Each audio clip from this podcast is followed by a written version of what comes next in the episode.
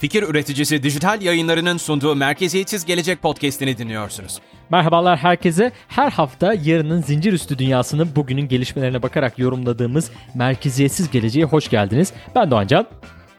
Ben Furkan. Efendim bugün Furkan'la NFT'ye dair her şeyi konuşacağız. Bu bölümü dinleyerek NFT ile ilgili ya NFT nedir? NFT'yi nasıl kullanırız? Ne alanlarda kullanırız? Bunlarla ilgili bütün sorulara tek bir yerde cevap bulacağımız bir bölüm olacak. Ee, ben heyecanlıyım. Furkan hemen şununla başlayalım. Çok acayip bir e, NFT satışı oldu. Biz bu programı kaydederken dün ama e, bu programı dinlerken e, satış bitmiş olacak. Pak'ın efendim Pak e, dünyaca ünlü oldu e, kendisi. E, bir e, kod artisti diyebilir miyiz? Kod üzerinden bir sanat yapan bir e, güncel, modern bir sanat e, sanat sanatçı.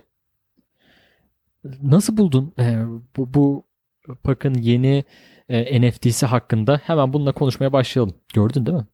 Gördüm. Çok güzel konu. Hemen hevesle başlayalım.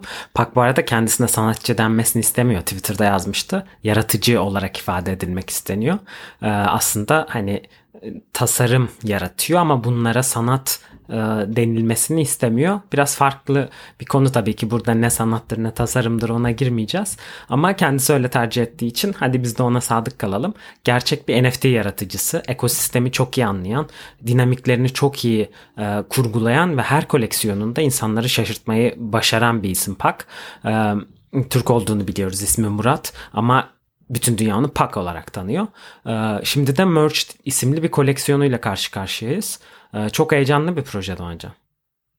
Kesinlikle. Yani dünyanın şu ana kadar ki en büyük NFT satışı satış rakamına e, ulaştı ve devam ediyor. Saymaya devam ediyor. E, yani şu an işte bu bölüm yayınlandığında şuraya bam diye basabiliriz. E, ne kadar satıldığını e, burada göreceğiz. E, biz şu an bilmiyoruz ama e, çok büyük bir rakama ulaştı. İlk yarım saatte yani satışa çıktığı ilk yarım saatinde 58 milyon dolarlık bir e, satış rakamına ulaştı. Çok acayip bir şey. Böyle e, kütleler halinde işte küçük parçalar alıyorsunuz. Ne kadar fazla alırsanız kütleniz o kadar büyüyor. E, bilyeler veya toplar şeklinde bir e, bir tasarımı var. E, öyle söyleyeyim. Güzel bu arada bu tasarım ve sanat konusunda ayrımı yapması ayrıca çok e, çok takdir ettim, sevdiğim bir şey olmuş.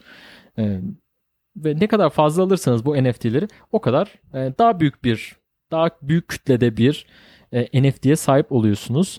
E, böyle bir e, tamamen zincir üzerinde kurulan e, ve tamamen akıllı kontratlar üzerinden e, oluşan tek bir NFT'ye sahip oluyor. Yani 10 tane alsanız tek bir NFT'ye sahip oluyorsunuz. E, böyle bir e, çalışma olmuş.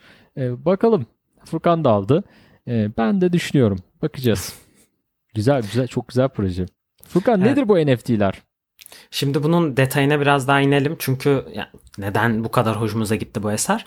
Çünkü NFT'nin sadece yaptığınız bir çizimi, bir dijital çizimi e, yükleyip satmanızdan ibaret olmadığı, e, sağ klikle tıklayıp farklı kaydet diyerek kaydedeceğiniz görsellerden ibaret olmadığını anlatan işlerden bir tanesi. Burada her şey zincirin üstünde dediğin gibi ve her şey akıllı kontratın üzerinde. Dinamik bir NFT Nasıl çalışıyor bu temel sistem olarak? Biraz daha detayına ineyim senin anlattığın üstüne. Dediğin gibi her bir aslında e, tasarımın her bir küt şeyin bilye diyebiliriz. Bir kütlesi var ve bu kütleler dinamik olarak birleşebiliyor. Yani şimdi ilk 48 saatte sınırsız sayıda alım yapılabilecek. En son baktığımda 250 bin tane satılmıştı örneğin. Hani bu nasıl biliyoruz? Normal koleksiyonlar 10 bin tane çıkıyor ve maksimum 10 bin tane üretiliyor orada duruyor. Bu 48 saat boyunca ne kadar alınırsa o kadar üretilecek ve 48 saatlik satış bittiğinde orada üretim duracak. Bundan daha fazla üretim olmayacak. Ama şöyle bir dinamiği var. Dediğim gibi her cüzdan da aslında bu NFT'den bir tane tutulabilecek. Eğer birden fazla NFT'niz varsa buradaki her bir kütle birbiriyle birleşecek. Aslında koleksiyon isminin merge yani birleşme olmasının sebebi de bu. Her cüzdanda bütün tutulan bu mesler kütleler birbiriyle birleşecek ve sadece e, meta verisinde değil kaç tane tuttuğunuz görsel olarak da güncellenecek. Yani burada önceden çizilmiş yuvarlaklar da yok. Arkasında bir bilgisayar algoritması var ve akıllı kontrata yüklenmiş bu algoritma sayesinde sizin elinizde kaç kütle varsa onlar birleşerek bir görsel oluşturacak ve siz OpenSea'ya gittiğinizde, cüzdanınıza gittiğinizde e, bu sahip olduğunuz kütlelerin birleşmiş halini göreceksiniz. Burada e, on binlerce alan insanlar var. Onların nasıl bir şekil oluşturacağını gerçekten merak ediyorum. Bir tanesi tek bir yuvarlak şeklinde olacak. İşte beş tanesi farklı şekilde. E, ayrıca üstüne eklenmiş pek çok e, faydaları da var. Onları da e, birazdan daha detaylarına ineriz. Nasıl ekosistem kurduğunu çevresine. Ama temel olarak çalışma prensibi NFT'nin bu şekilde ve bu sayede aslında mesela ben sana diyelim ki burada mesimi gönderdim. Ee, senin cüzdanında da bir tane vardı. Bende de bir tane. Bu ikisi birleşecek ve senin cüzdanında o ikili tek parça bir NFT olacak ve bunu dağıtamayacaksın daha sonra. Yani şey diyemeyeceksin. Aa bende iki tane var. Birini tekrar sana yollayayım diyemeyeceksin. Bu sayede aslında toplam eser sayısı düşecek. Toplam kütle sabit kalacak ama NFT sayısı düşecek. Çünkü her birleştiğinde artık onlar öyle kalacak. Bence bazı koleksiyonerler en büyük sayıya ulaşmak için burada e, piyasayı alımlarla e, bayağı bir e, yükseğe çekebilir. Böyle bir potansiyel var. Tabii ki spekülasyon yapmak olur bu. Belki de hani fiyat artmaz bunu bilemeyiz. Ama bu şekilde düşünülerek tasarlandığı belli. Görüyorsun bak fizik her şey var. Blok zincirde, NFT dünyasında her şey var. Fizik, efendim, fizik kuralları. Aldın, kütlesi büyüdü. Matematik e, formülleri de var bu arada. Hani bu Furkan'ın anlattığı konunun bu satış e, satış sitesinde e, listelediği yerde işte e, anlatırken, projeyi anlatırken matematiğin nasıl işlediğini de e, anlatıyor. İşte e, 10 üzeri n sayıda aldığın zaman işte e, neydi en üzeri eksi 10 mu öyle bir şey e, sayıda artı bir kütlesi de oluyor. Yani 10 tane aldığın Bonus zaman e, bir tane de bu bonusu oluyor gibi. E, içinde matematiği de var. E, kesinlikle heyecanlandığımız bir şey. Peki NFT'ye e, şimdi biz şeyden girdik. E, çok işin çok e, mikro tarafından girdik. Çok büyük tekniğinden girdik. Yani bu son zamanlarda yapılmış NFT'lerdeki en büyük proje. Tamam ve bir Türk tarafından çıkıyor as bayrakları. ee, bu da güzel tabii. Seviyoruz canım. Türkiye gitsin yani. Ee, peki Furkan. Ya bu NFT nedir? Bir bunu bir konuşalım. NFT ne? Ne alanda kullanabiliriz? Biraz e, geniş perspektifte baktığımız zaman bu e, NFT'leri anlatarak başlayalım. Sonrasında ne alanlarda konuşul ne alanlarda kullanabiliriz? Bunları konuşarak devam edelim. Tamam şimdi Doğancan aslında burada hani NFT'nin o kadar çok kullanım alanı var ki ve her geçen gün yeni kullanım alanları doğuyor ki hepsini burada sıralamamız mümkün değil. Ama başlıca olanlara en çok dikkate çekenlere değinebiliriz. Burada temel prensibini anlamak için NFT'nin açılımının non-fungible token yani aslında e, birbirleriyle takas edilemeyen e, birer token olduğunu anlamak gerekiyor. Blok zinciri üzerinde e, belli standartlara uyarak bu standartlar ne olabilir? E, ERC 155 olabilir, ERC 271 olabilir. Böyle standartlara uyarak birer unique yani şahsına münhasır token olması aslında NFT'nin olayı.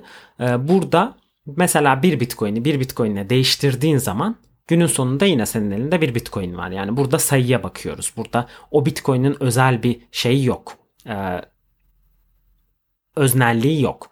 Ama burada NFT'lerin her biri çok özel ve öznel. E, çünkü birbirleriyle e, değiştirsen bile mesela ben sana bir NFT yolladım, sen bana NFT yolladın. E, bunlar öncekilerden ayırt edilebiliyor. Yani benim sana, senin bana o NFT'yi yolladığımı ve birbirlerinin nasıl öznel olduğunu görebiliyoruz. O yüzden e, buradaki mekanizmayı anlamak önemli. Bunun dışında e, nasıl olabilir bu NFT'ler? Bu NFT'ler aslında bir akıllı kontrat üzerinde çalışan mekanizmalar. Bunlar bir görsele işaret ediyor olabilir, bir sese işaret ediyor olabilir, sadece bir metadataya işaret ediyor olabilir. Farklı farklı akıllı kontratın işaret ettiği metadata olabilir. Burada Şimdi mesela... burada bir duralım. Hı hı. Şimdi burada bir duralım.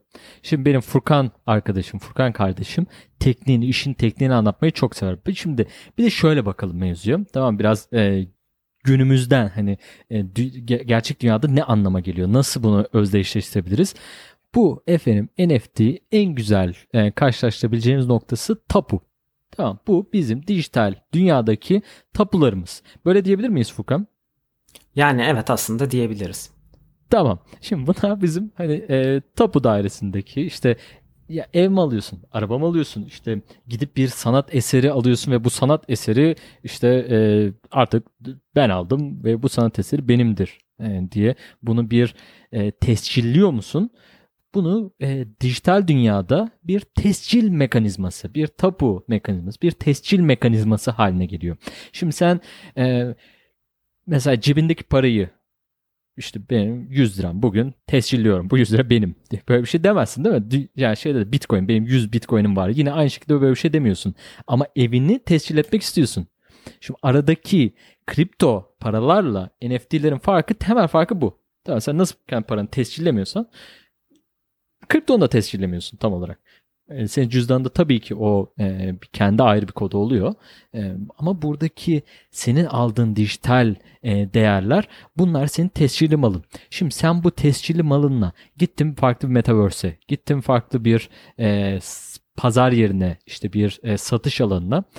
Arkadaşlar bu benim tescilli malımdır. E, ben bunu satışa çıkartıyorum dediğin zaman sen herkes onu senden orijinal haliyle alabiliyorlar ve bu senin tescilli olduğun için e, değerli bir varlık haline geliyor. Bunun e, kullanım alanları sınırsız. İşte şimdi ona geleceğiz. Tamam. Peki şimdi Furkan sana şunu da sormak istiyorum. Bu akıllı kontratları biraz daha derinlemesine inmeden. Hı hı. Dedin ki tekniğini anlattım. Bu işte e, ERC tokenları e, dedim. Burada farklı e, token çeşitleri var. E, bunları da hani e, farkları nelerdir? Nasıl bir ayrışması var içerisinde? Onları da konuşalım mı seninle? Hı hı. Tabii ki burada şimdi ne ürettiğinize bağlı. Dediğin gibi tescil kelimesi çok önemli burada. Tescilliyor. Mesela e, bugün pek çok tablo var değil mi? Bunu kim çizdi diye tartışma yürütüyoruz sürekli. E, artık blok zincirin transparanlığı sayesinde ve tüm geçmişi kayıt altına alma özelliği sayesinde o sanatçının gerçekten o ürünü üretip üretmediğini kolayca tescilleyebiliyoruz. Halka açık bir şekilde tescilleyebiliyoruz. Bundan 100 yıl sonra da Pak'ın ürettiği eseri Pak'ın üretmiş olduğu kesinlikle görülebilecek. Bu e, bir tartışmaya mal vermeyecek. Şimdi bu şekilde tescillediğiniz ürünün ne olduğu aslında o token tipini belirliyor. Çünkü farklı farklı akıllı kontrat yani aslında sizin token dediğiniz mesela Ethereum blok zinciri üzerindeki kripto paralarda birer token. Ee, onlar da ERC20 formatında. Bunlar ne oluyor? İşte o token formatı o akıllı kontrat tipinden dolayı belli standartlara uyan o akıllı kontrat tipinden dolayı bir token oluyor ve buna NFT demiyoruz. ERC271 ne oluyor? Bu tamamen özel olduğu için dediğin gibi tescil mekanizmasına sahip olduğu için yani o standardı karşıla, karşıladığı için bir NFT olarak atfediliyor. Aslında burada senin farklı token, token tipleri dediğin şey Ethereum'da bir token olabilmek için belirlenen, önceden belirlenen standartlara uyup uymadığınla alakalı bir şey. Ve bu da senin bulundurduğun varlığın limitlerini belirliyor. Ne kadar özel olup olmadığını belirliyor. Ne şekilde değiştirip değiştiremeyeceğini belirliyor. Sonradan güncelleyip güncelleyemeyeceğini belirliyor. Böyle farklı farklı standartlara uyarak e, birden fazla tipte NFT üretebiliyorsun. Yani bir aslında şöyle diyebiliriz kalite sertifikası gibi e, bir Doğru. hani bir adı var. Hani işte e, burada farklı işte ISO ISO 9001 e, gibi e, böyle bir anlamı var içerisinde. Yani farklı bir işte e, nasıl diyelim bir sertifika veya bir tescil mekanizması. E, notere gittiğimizde nasıl işte hepsinin burada adını e, bilemiyorsak burada da e, ya tekniğini anlamamız yani e, buradaki asıl e, stratejik mekanizmasını anlamamız bizim için e, daha önemli. E, tekniğinde tabii ki efendim bilim araştırmakta e, fayda var. E, bu kadar detayına e, burada girerek bütün e, programı bunun üzerine konup fizik ve matematik üzerinden e, programı da dinleyicilerimizi e, sıkıntıdan sıkıntıya boğmayalım efendim. Bence de daha çok şey konuşalım Doğancan. Mesela ne yapabiliriz bu NFT'lerle? Müzik bak, mi hayır. tescil edebiliriz? Kitap mı tescil edebiliriz? Ne tescil edebiliriz? En Biraz sevdiğim, da onu konuşalım. En sevdiğim. Şimdi ona geleceğiz Furkan. Buraya ya da şöyle tamam hadi ona girelim. Sonrasında onları nasıl bağladığımız konusuna da akıllı kontratlar yine oradan e, gireriz. Furkan senin en beğendiğin bu NFT'lerin 3 e, hadi bakalım 3 kullanım alanını söyle. Ben de sonrasında 3 kullanım alanını da ben söyleyeceğim. Söyle hmm. bakalım. Başla. Tamam. İlk olarak dijital sanat doğrulama. Hı. İkincisi aslında e, kolaboratif yani şöyle herkesin kendi imzasını atarak kolektif bir şekilde tasarım yapabilmesine ve bunlardan e, royalty dediğimiz hayat boyu belli yüzdeleri kazanmasını garanti altına alma özelliği diyelim NFT'lerin. Tamam. Ee, üçüncü olarak da e, ne diyebiliriz? Aslında dijital varlıklara bir kimlik kazandırma diyebiliriz. Bak ne kadar güzel şeyler söyledi. Şimdi e, bu sanat kısmı tabii çok önemli. E, bir sanat eseri alabiliyoruz. Bu sanat eserlerinin içerisinde işte resimler, heykeller, fotoğraflar e, girebiliyor. Ve bu sayede e, sanatçılar aslında bu yani geçtiğimiz dönemlerde hep işte ya bu e, hani sanatlarımızı nasıl icra edeceğiz işte nasıl buradan e, bir para kazanacağız hep bir bir sıkıntı e, halindeydi ama artık bu e, sanatçılar bir kapı açtı. Şimdi bu durum bir de şöyle bir tam ters noktası da var. Şimdi bu alıcı gözünden de bu kadar çok kolay bir pazar yeri olduğu için internetten tek tuşla gidip alabildiğimiz için değerlenen yani sanatçının değeri arttıkça sanatçı ne kadar fazla ürün üretmeye, içerik üretmeye, e, sanat eseri üretmeye devam ettikçe sanatçının değeri artıyor. Van Gogh'u düşün. Yani sen Van, şu an e, Van Gogh'un 20 yaşındaki bir Van Gogh'un eserini, 20 yaşındaki Van Gogh'un eserini şu an dijital olarak alabildiğini düşün. Tamam mı? Çok muhtemelen uygun fiyata alacaksın. Van Gogh 40 yaşına gelince efendim o eserlerin ne kadar olacağını düşün. Tamam. Şimdi e, bunu bu bugün yaşanıyor ve çok hızlı bir şekilde yaşanıyor. Bu yüzden burada e, hızlı bir şekilde e, çok büyük karlar etme e, durumu da var. Bu da birçok insanı da e, birçok sanat simsarını da heyecanlandıran bir durum tabii. E, bu noktası da var. Hemen ben 3 e, tane kendi kullanım alanlarıma giriyorum o zaman Furkan'cığım. Gir bakalım. Efendim e, bir müzisyen olarak benim müzik NFT'leri acayip heyecanlandırıyor. Tamam müzik dünyası e, uzun zamandır e, özellikle bu e, Covid ile birlikte çok ciddi bir e, sıkıntıya girdi. Tamam yani insanlar işte konser veremiyor. Hani nerede ne yapacağız yani? Tamam. Ve yani Türkiye'de de mesela herhangi bir olay oluyor. Tamam önce e, eğlence sektörünü vurur. Önce işte e, konserleri vurur. Hani e, bir şekilde e, her yerden darbe alır e, müzisyenler. Şimdi bu albümünü tokenlaştırarak e, bir token haline dönüştürerek e, mesela bir satışa çıkarttı. Burada NFT örnekleri e, çokça var. E, burada sınırsız bunun örneğini çıkartabiliriz. Bu dünya çok büyük bir gelişmeye açık şu an. E, burada farklı projeler üretiliyor. İşte mesela bir e, bir işte müzik ajans bununla ilgili bir kuruldu ve e, yani yatırımcıları arasında inanılmaz insanlar var. İşte Chainsmoker'lar, işte Nas'lar, efendim e, işte Coinbase bunun içerisinde yani buraya inanılmaz yatırımlar da geliyor. Yani çok yakın zamanda bunları göreceğiz. Türkiye'den de e, oldu. Emre Aydın biliyorsunuz e, kripto dünyasını çok yakından takip ediyor. O da bir şarkısını NFT olarak e, yayınladı. E, bunlar olacaktır. Yani biraz aslında deneme yanılma tabii oluyor. Ne kadar çok çıkartırsak o kadar daha yani hangisi tutuyor. E, bu öncülük akımını sürdürmesi açısından bence çok önemli. E, o yüzden Emre Aydın da e, valla harika. Tebrik ediyoruz.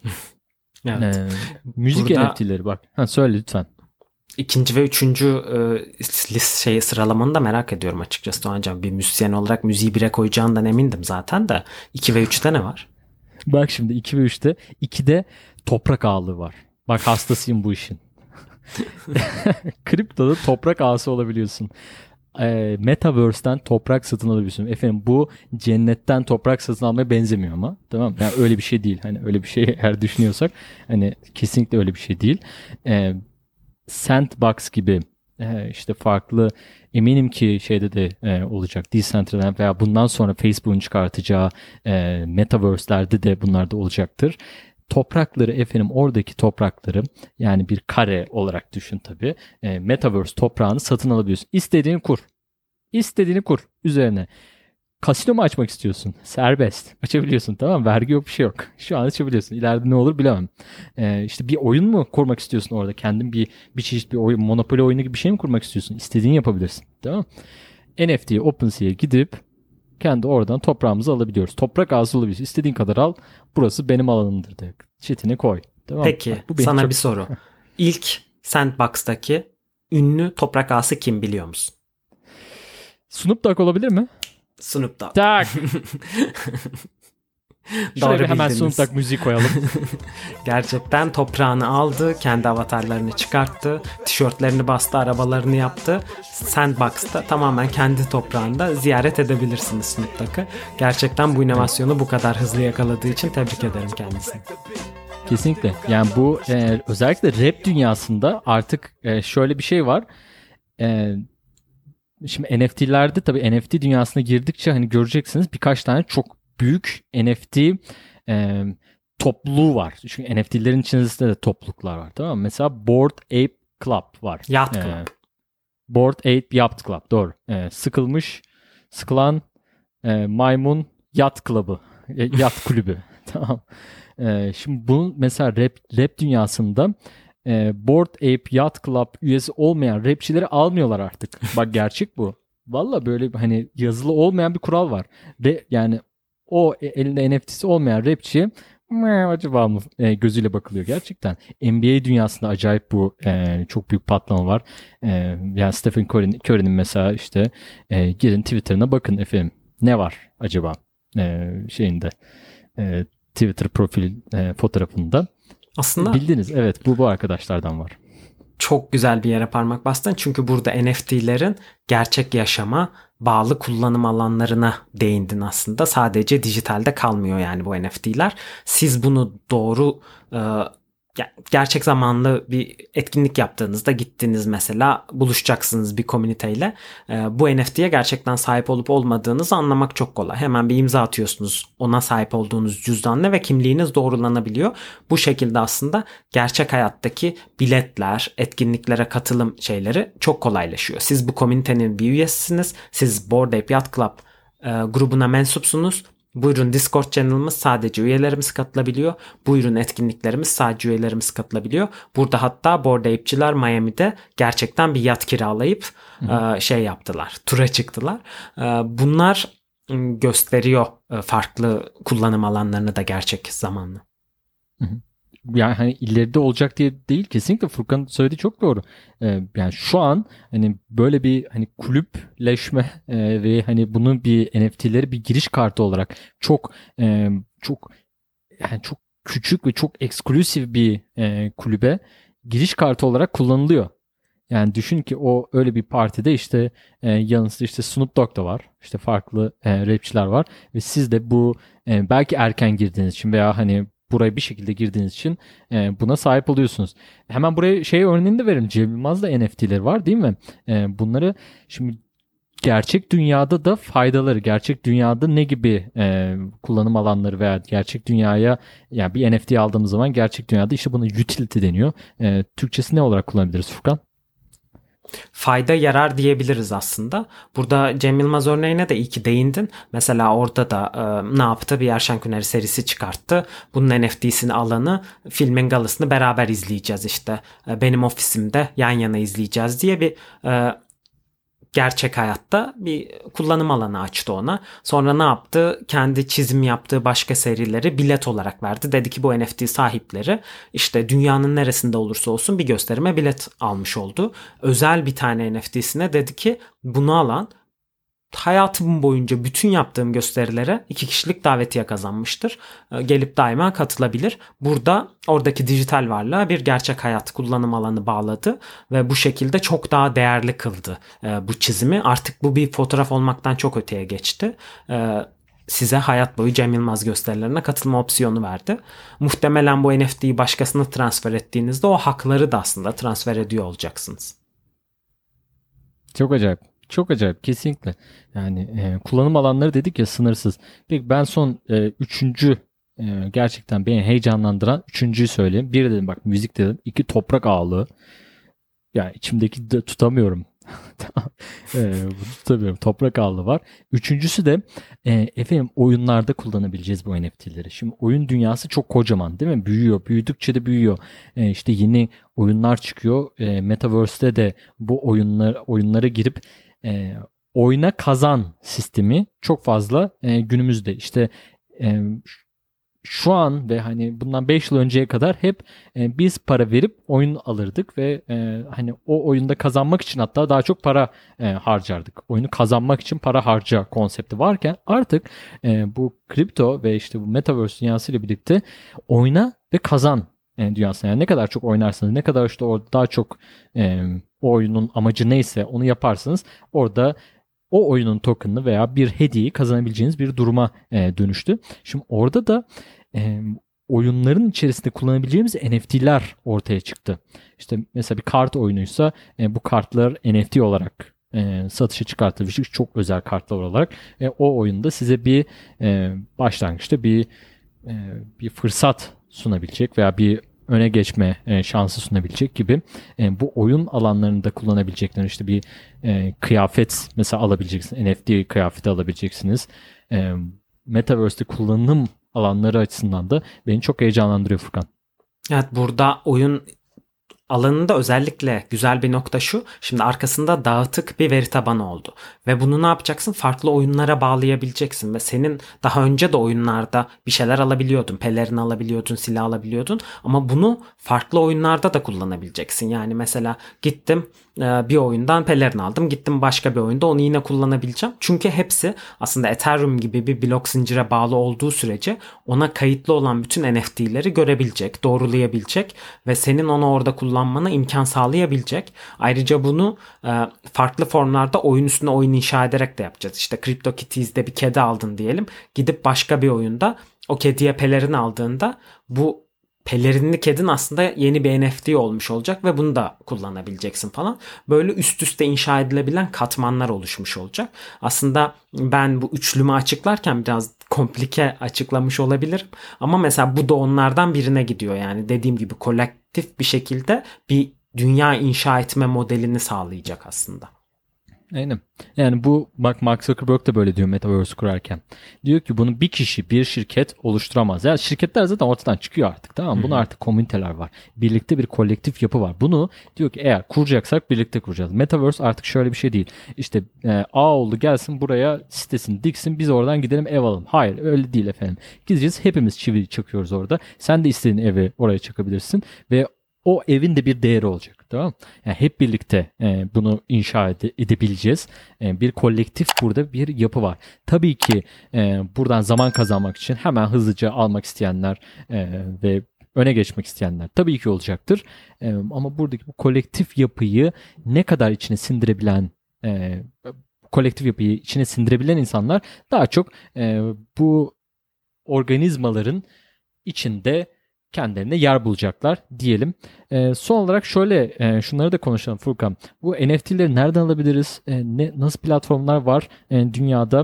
E, OpenSea'den program e, bir kısmında bahsettik ama e, hani onları da bir toparlayacak şekilde bizi anlatır mısın? Bize aydınlat bakalım.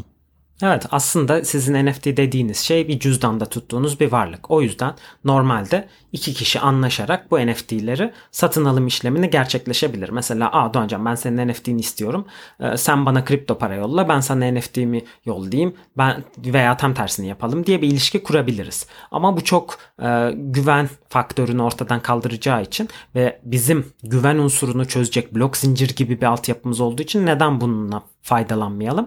E, belli akıllı kontratlar var ve bu akıllı kontratlar çerçevesinde oluşturulmuş pazar yerleri var. Biz bu pazar yerlerine giderek aslında e, kolayca bu kripto para ve NFT alışverişinin yapılıp verilmesini ve herhangi bir sorun çıkmamasını sağlayabiliyoruz. Buna örnek verdiğin gibi senin OpenSea denebilir, Rarible var, e, Nifty Gateway var, Super Rare var.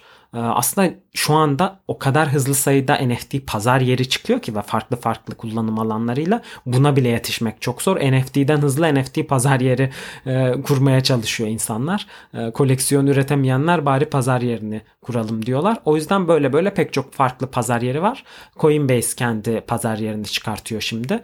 E, Ama OpenSea gerçekten pazara çok hakim yani %80-85'i şu an trafiğin OpenSea üzerinden dönüyor. Evet, çok hızlı bir soru. Merkeziyetsiz bir e, pazar yeri var mı şu an? Benim bildiğim yok.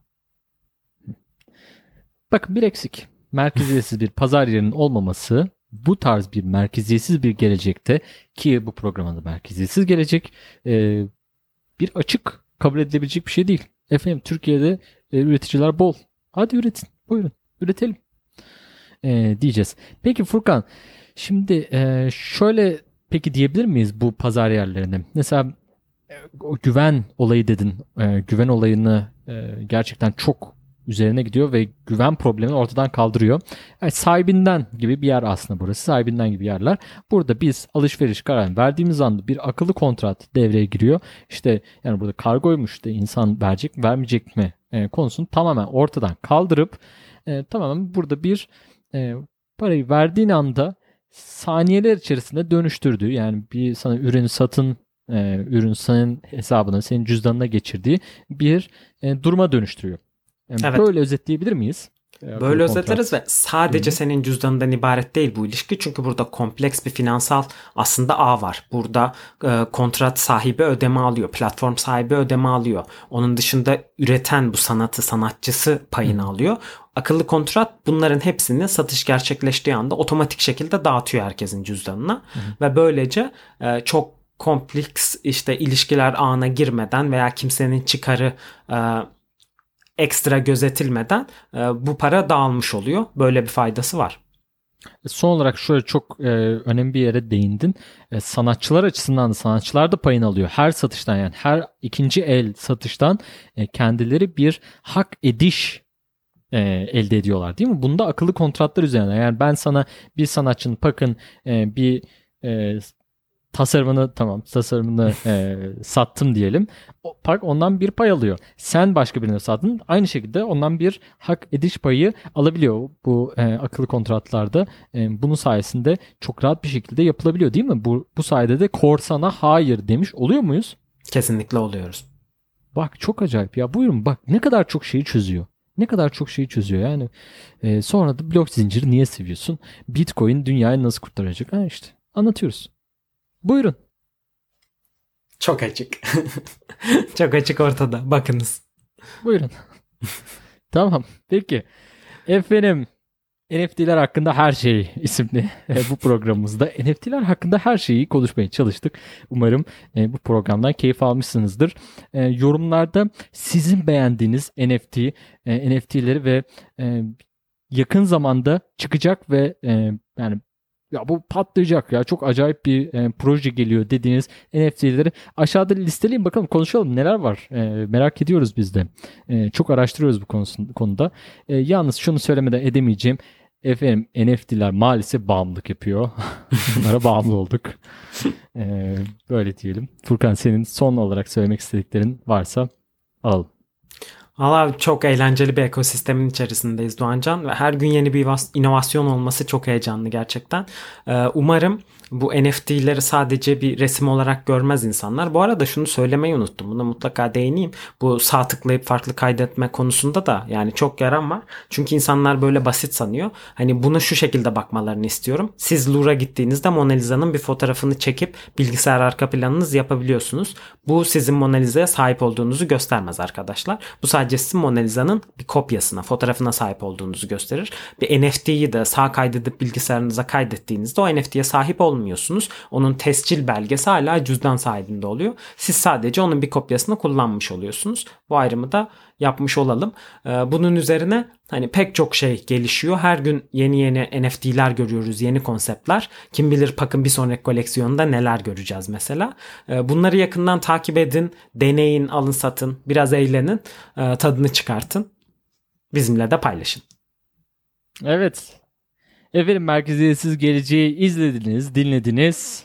Beğendiyseniz e, yorumlarda buluşalım. Bizi takip etmeyi unutmayın. Haftaya tekrar aynı günde görüşmek üzere. Hoşçakalın.